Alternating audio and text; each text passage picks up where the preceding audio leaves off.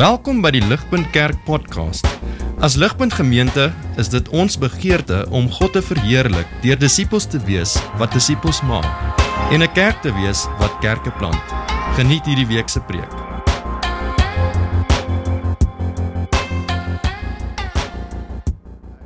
It's a huge privilege to be here amongst you. My name is Ed. Uh, we've come from southwest London. Uh, I grew up in the countryside just north of London. Uh, I grew up in a home where we were taken to church. I'm very grateful to my mum and dad. My dad is a great guy. He prayed with me before bed each night. Uh, I think I didn't grow up in a home where the Bible got opened. I didn't go to a church where I was expected to understand what was happening in the Bible. So uh, it was significant for me when uh, I arrived at a church just after university where I saw the Bible being taught to adults and children, particularly children, in a way I hadn't seen before. Uh, so I, I got to the age of about 11 or 12, and I think the UK was a spiritually slightly easier time then because I didn't know there was such a thing as not a Christian. So when someone explained that on a Christian camp, I thought, well, I'm in. I can't see a reason not to be. And, uh, and I do think that is the story of children and young people who grow up in Christian homes. And uh, I now run an organization called Faith in Kids, which is really just trying to do that. Uh, how can we show parents it is the normal way God has grown his people throughout history is by handing on faith to the next generation? And uh, how do we help churches do that? It is possible that you're sat here thinking every church around the world is full of the children and young people that have just run out your door. Uh, a stat I've shared this week is in the UK at the moment, amongst 13,500 Church of England churches, the average number of under 18s is 1.8. 1.8. On average, our churches in the UK have less than one family. So uh, there's a work to be done in the UK, and I, I think there's a work to be done in South Africa. Because to pass on faith to children is the most precious gift. And, and lastly, just um, would love to hear what your connection is to, to Ligpunt. Uh, Pun and I have had a good time chatting this week. Uh, he and I started working for a church on the first, on the same day, uh, too many years ago. Uh, we were both younger. We were both single men. The Lord and our wives have been very kind to us since then. Uh, this is the second time we've been to South Africa. The first time was for Pun's wedding. So I like to think that I only come to South Africa when he summons me. Uh, but there is a thing which is, um, you know, we sent Pun back to South Africa, or rather, he said, I've got to go now. And he wanted to reach his people, Afrikaans speakers. Uh, so it's moving for me to stand here amongst you and see the church God has grown as Pun has stood at the front and been bewildered by what God is doing. And there's about 10 here who I haven't seen for more than a decade, who I knew in that church that we were in together. And I certainly, as I get older, realize that life is a lot more bruising than I had realized. So when I see a bunch of Christians who I haven't seen for 10 years and they're still going on with the Lord, um, that really, I, I would have come to South Africa for that alone, for you alone. Yeah, thank you so much. That's very encouraging. Um, brother, I'm going to pray for you and then hand uh, you over to your manuscript, and you can just share as the Spirit leads. Let me, let me pray for you. Uh, Lord, uh, one last time before we hear your word, we say thank you. And we say, please, Lord, will you fill your servant to speak your word to us? Open our hearts now to receive and to hear what it is that you want to say to us. Uh, you are alive and you're here, and you have something to say to us. And we thank you that you use your servant Ed in this, in this work. We praise you and thank you, Lord. Amen. Amen. Well, that's my introduction. That's who I am. That's probably the details you expected me to say. You've worked out I'm a speaker, you've worked out I'm married, you've worked out I've got kids, You've worked out, I've worked for a, t- for a long time for churches. This is what you expect from a speaker before he stands up. We're also clear there's a whole bunch of details I've not chosen to tell you. When my colleagues see me dressed like this, They say, Ed, you are just the next bland preacher. Your clothes are unmistakably bland. I haven't chosen to tell you that. I've started speaking. You're listening to my accent. You're making all sorts of beautiful assumptions about me. There are conversations you want to have, there are digs you want to give me. What a wonderful thing it is to be English. There's also some things I've chosen not to say, and probably I'd rather you didn't know. I was the kid at high school who didn't have as many friends as I wished, who was never as good at sport as the cool kids were. I am the bloke who still doesn't go back to my school reunion because I still feel insecure about it. I've chosen not to tell you that in the UK, when I say I work for a registered Christian charity, it ends conversations instantly. Instead, I have those three or four sentences I choose to tell people to impress them just a little, to try to make the conversation last a bit longer. There's the home I live in and the car I drive, and there's all sorts of labels I have that just say who I am. It could be as you drove here today. You probably have two or three sentences you are used to saying to people as you meet them at a gathering like this that just label for them who I am in a cultural way that means they get to put you in a box and you're comfortable in that box. Who I am. I'm going to say you've probably got a pile of insecurities too. You really hope the conversation doesn't drift towards them. You particularly hope you don't end up gently crumbling in front of them in a conversation or even weeping, because that's awkward amongst Afrikaners. Who are you? What is the sentence you have ready? What is the conversation you prepare? Because it is about identity, way before it's about behavior, way before it's about our diaries or our wallets. Who am I? Who are you? I want to tell you it's a safe place. I don't want to make this too bruising. No one is going to be asked to stand up and just express their greatest insecurity. That would be weird. But I do want us to explore what it means of who we are. I do want us to go through a couple of books of the Bible. We're just going to drop into a few passages and look at them together. Let me start with this one in Ephesians. I just want to first of all convince you in case you're not clear, that the Bible is about identity before it is about what you do. That's probably the greatest lie of the devil, that to be a Christian is about what you do. So when you hear people mutter, that's not very Christian. I didn't think a Christian would do that. That is just a gentle lie designed to hurt because it is about who we are before it is about what we do. Ephesians 1 Ephesians 1 says this And you were dead in the trespass and sins. You were dead. Whew. It doesn't say you were like you were dead, or it's as if you were dead, or in some senses you were a bit dead, or you quite weren't able to do all the things. You're dead. If you are outside of the Lord's family, you're dead. Whew. We read on. But God, being rich in mercy, because of the great love with which He loved us, even when we were dead in our trespasses, made us alive. Together with Christ, by grace you have been saved. I've been on a tube on the London Underground with my son. He was about five, and he was saying, Dad, what is the most frightening animal we have in this country? We had obviously been discussing those animals of South Africa and Australia. We'd been discussing saltwater crocodiles and venomous snakes, sharks and rhinos. And so I got to say, we have this creature called a badger. It's, a, it's about so big, and the whole carriage is enjoying this conversation. Our largest land animal is the deer, the stag. You don't often see them, they don't walk down my road. I've mainly seen them on the walls of pubs and stately homes, stuffed, just the head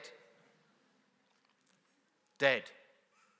In no way is this a stag. It couldn't be more dead, more lifeless. It has the resemblance of life, it's dead. just after lockdown, my family got to go to Scotland because we'd never been to Scotland before and we weren't allowed to go across to anywhere else in Europe. We had a holiday in Scotland. I was determined to see a stag. We were staying in a cottage in the Highlands. There were stags. I'd heard a lot about them. So I took my family off. I'd seen them on the crest of the hill. Off we went to see a stag. You are a country of hunters and trekkers. I was never going to see a stag. In fact, we ate our lunch in the rain up the top of a little mountain. All three of my children were in tears, cold and wet. Dad, please, can we go home? We're going to see a stag. I carried two, my wife carried one. We got home. We ate more food. I apologized. I said, I'm sorry we didn't see a stag. The next day, I was eating breakfast in the kitchen, and I look out the window, and there looking back at me is a stag. You want to come see me, and it's so easy. Wow, a stag, a few feet away from me. He looks at me with his big eyes and he looks straight through me. Utter disdain. This stag is alive. What a brute. Do you see the difference between the two? To think Christianity is about behavior? What? It is a difference between a stuffed head in a pub and a living, breathing brute of a stag, all muscle. That is the difference Jesus Christ makes to us. This is who we are living, breathing brutes of spiritual creatures. Life. We read on in 1 John 3 See what kind of love the Father has given to us that we should be called children of God. And so we are. It is a gift of love to the Father. We have not earned it, we are not earning it. We are children of God. This is my colleague Amy. She adopted four children. She went from zero to four children in three years. Her and Steve were pretty bewildered, and we just grinned and hugged them a lot. There was a day they took those four children to a court with a judge who let them try on his wig and bang his gavel and climb over the, the wooden balustrade, and he gave them a certificate, and it was a brilliant day, and they were Smiths for the first time. The law says you are Smiths, and it will never change. The judge took a moment with Steve and Amy afterwards to look them in the eye and say, My experience and the story of adopted families is there will probably be at least one day where one of your children looks at you and says, I don't feel like a Smith. I don't feel like one of your children. Are you certain I am? Their story is one of those four children for the last two years has been asking those questions in a really, really destructive way. My family has been praying for him. They have been to so many appointments. I got a text this week from Amy who said, Today, a teacher at his school said to him, Did you steal it? He said, He waited and thought hard and said, No, it wasn't me. Amy opened a glass of Prosecco that night. She said, This is new ground for him. To think hard and to answer a question out of truth rather than insecurity, or just to work out what does this person need to hear from me. I just want us to know we're like this family. It has been declared if you have found forgiveness and faith in Jesus Christ as a gift of love, you are children of God. And it's okay to sit here and say, I don't feel it. It's okay to say, when I look around, I feel insecure about it.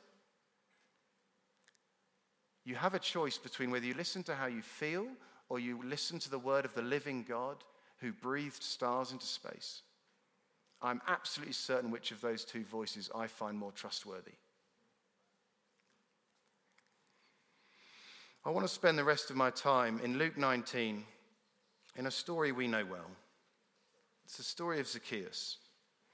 We read this He entered Jericho and was passing through, Jesus that is. And behold, there was a man named Zacchaeus. He was a chief tax collector and he was rich. He was seeking to see who Jesus was, but on account of the crowd, he could not see because he was small in stature. So he ran on ahead and climbed up into a sycamore tree to see him, for he was about to pass that way. I think there's only two songs I remember from my childhood in church, and one of them is Zacchaeus was a very little man, and a very little man was he. He climbed up into a sycamore tree for the Savior he wanted to see. Sweet Zacchaeus. He was scum. No one in his town cared about his stature. People crossed the road to avoid him. Mothers whispered into the ears of the children as they walked past him. Zacchaeus was a collaborator. He worked for the occupying forces against his own people gathering money. He gathered too much money and he kept the difference. He was a chief tax collector. He was a chief collaborator. He raked off the money from all the other collaborators. He was so rich, it was filthy. In Holland, the day after the occupying forces were driven out, after World War II, collaborators were stripped to their underwear. A sign was placed around their neck that said, Collaborator and they were marched through the town high street, and everyone gathered to jeer and to throw at them. To be a collaborator is to be famously horrible. It is the lowest. We read a story where a collaborator is at the heart of it. Zacchaeus had an identity. Everyone knew it. He knew it. His identity, it could have been tattooed across his forehead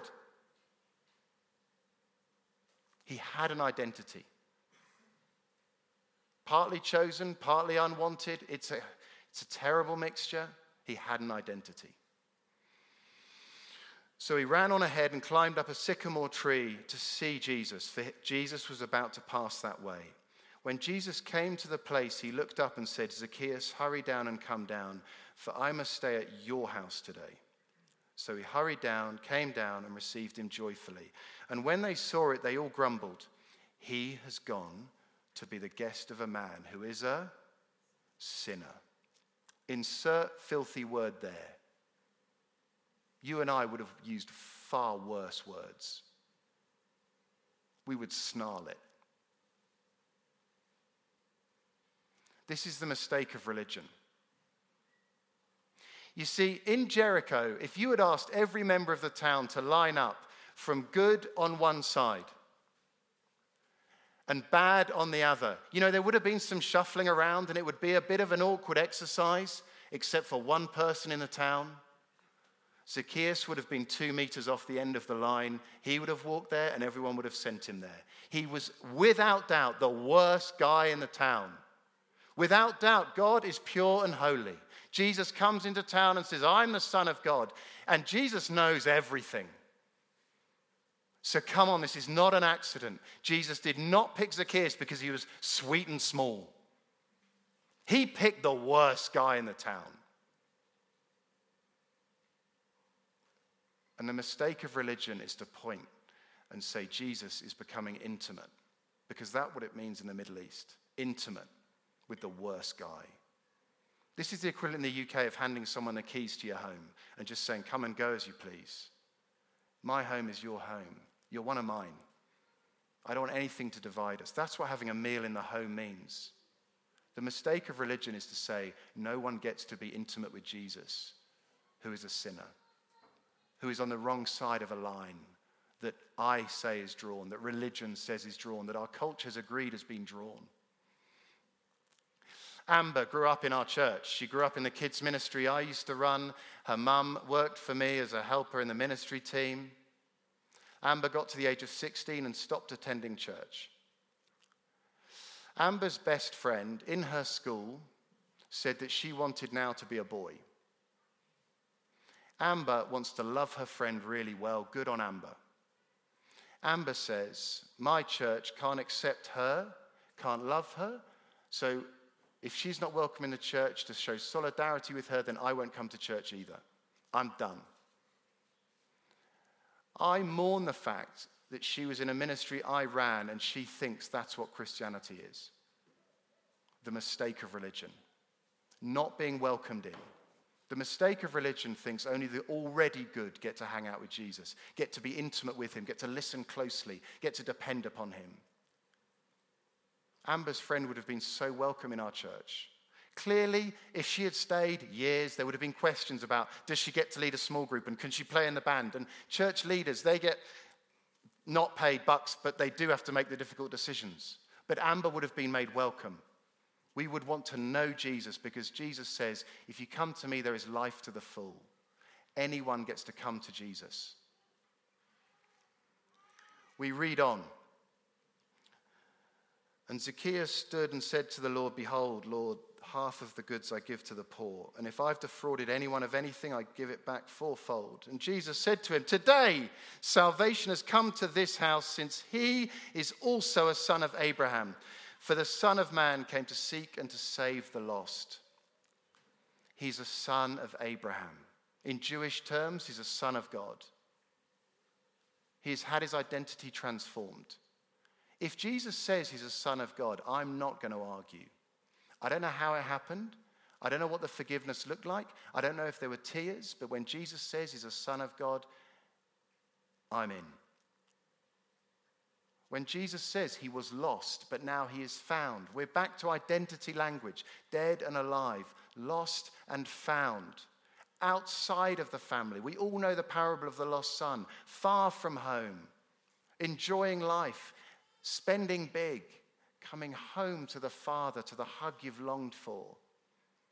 He's had a transformed identity. And just in case we're all thinking, how is this fair? We see the effect of a transformed identity. Behold, Lord, the half of my goods I give to the poor. Anything I've defrauded anyone out of, I'm going to give it back fourfold. He's selling his furniture, he's selling his home. But crucially, Identity, knowing who we are, always changes what we do. Always. It's not as quick as we wish it was. It's not as quick as I wish it was. And that's why we need people to be telling us you're not the person you were. There's a transformed identity that brings about a transformed life.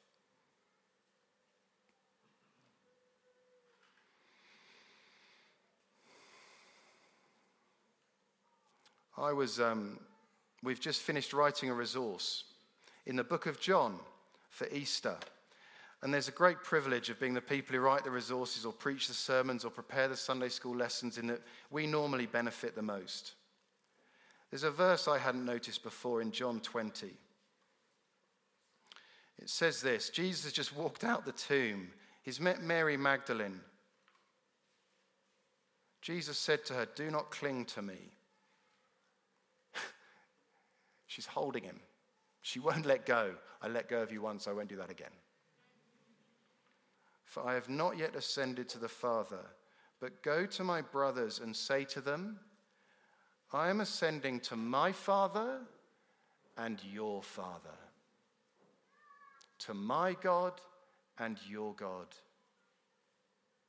To be a child of God is to have Jesus look you in the eye and say, My Father and your Father. I feel privileged that the greatest man I've ever known happens to be my father. Uh, when I grew up in the countryside, we had a little drive down to our home. I would stand at the end of our drive and wait for my dad to drive home. He'd come home from work. If I was standing there, he'd sit me on his lap. I'd put my hands on the steering wheel and I'd steer us home. That's a place of huge happiness. With the man I trusted the most, keeping me safe, believing I was in charge of his car, going home. I don't know what your father is like. I don't know what your mother is like. The Bible, New Testament label that we most often read of God is Father. There's a reason. So that the very best Father helps us to understand who God is. The very best father will never be as good as, a, as an earthly father or an earthly mother. I feel privileged that to look at my dad, I get to say, I belong more tightly with my Heavenly Father. I'm loved more and I'm cared more. When my kids jump on the bed in the morning, as they invariably do, can you imagine if they said to me, Dad, just so I know, am I in your family today? As I tuck them up and pray with them at night, Dad, did I do enough today? Will you, will you still be our dad in the morning? I would be broken by that. I want to make it so the home I create for my kids is one where they know they can come to me and give me a great big hug, that we are saying sorry to each other far too often than we wish we were. And there's always a place in our home for them, whatever they've done, wherever they have been, however their day has gone, whatever they've felt. They come home. Place of belonging and safety. To be a child of God is a belonging place, it's a safe place. It's the best place, my goodness.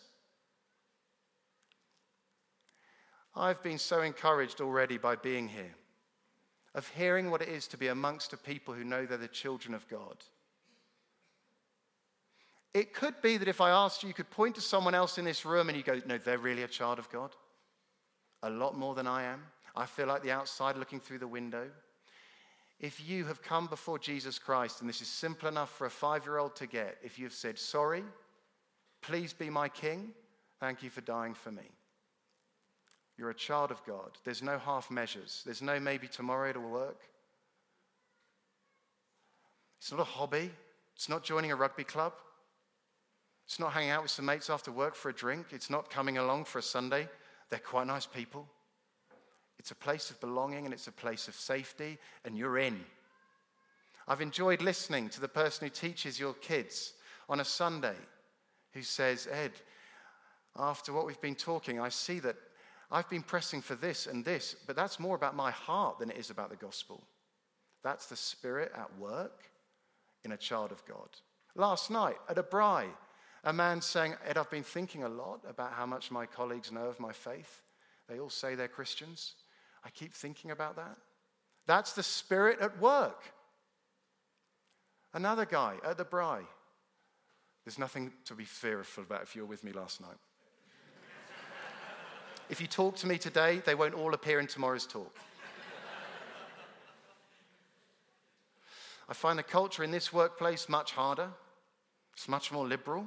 It's much harder to live with. It makes me think a lot about how long I can work there. I don't know the answer. He doesn't have to leave, but that is a work of the Spirit. That conversation there. Please, if you find yourself different to a work colleague or a neighbor, that's the Spirit at work. I really hope I'm different because of my earthly dad. I really hope I am. I hope much more I'm different because of my heavenly dad. As you get out of bed in the morning and your feet touch the ground, as you roll out of your roll mat and you, it's too bright at the weekend away, you get to breathe deeply and say, I'm the child of God. Today's a good day.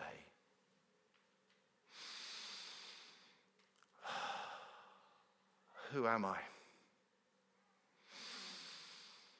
Who are you? It could be you're sat here and you're not a child of God. Can I tell you about my friend Ruat? He's a good Afrikaans man. He pitched up at our church in southwest London. Lovely guy. Grown up going to church. I wouldn't have known, but he said to me one day, Ed, you know, when I arrived at this church, I wasn't a Christian. Hmm. I am now. What happened? Well, I grew up in a Christian home. Coming to a church was the easiest thing in the world. No challenge at all. And you're a lovely bunch of people. I was fine with it. I realized. This is interesting then. You came thinking you're a Christian. You'd been growing up in a Christian home. What's the difference? Listen to his answer. It's a good answer. Ed, you know, it's like all the furniture was in the right place, but no one had ever switched the light on. He knew his way around the home. He knew where everything was meant to belong. He's living in the light. He just smiled. Just smiled. He and his family are going great in Paarl. I haven't seen him for over a decade. I smile as I think of him now. Keep doing it, Rod. Keep doing it, buddy. You're living in the light. My friends, to come away on a weekend like this is an absolute privilege. Maybe this is one place where you don't feel desperately uncomfortable. People don't jeer, people don't mock, people don't whisper behind your back. It feels straightforward. You've escaped some of the darkness that's in our world. I'm going to talk about that more tomorrow because we're all totally clear it's not a simple walk. It is a pleasure beyond measure to be amongst brothers and sisters, to know that whatever we've done and wherever we've come from, we share a Heavenly Father. We're children of God. This is who we are. Let me pray.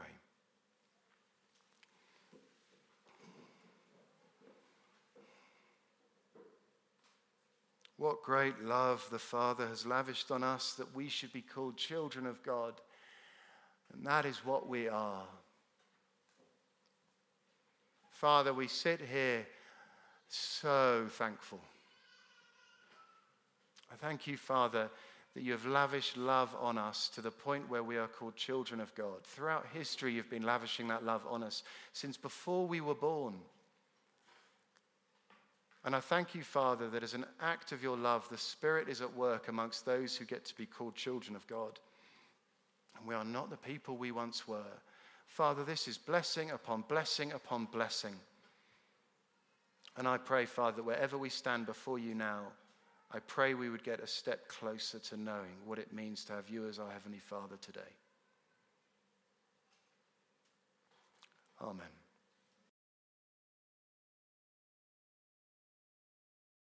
Vir meer inligting oor Ligpunt Kerk, besoek gerus ons webwerf op www.besoekgerus.com of kontak ons gerus by info@ligpunt of kontak ons gerus by info@ligpunt.com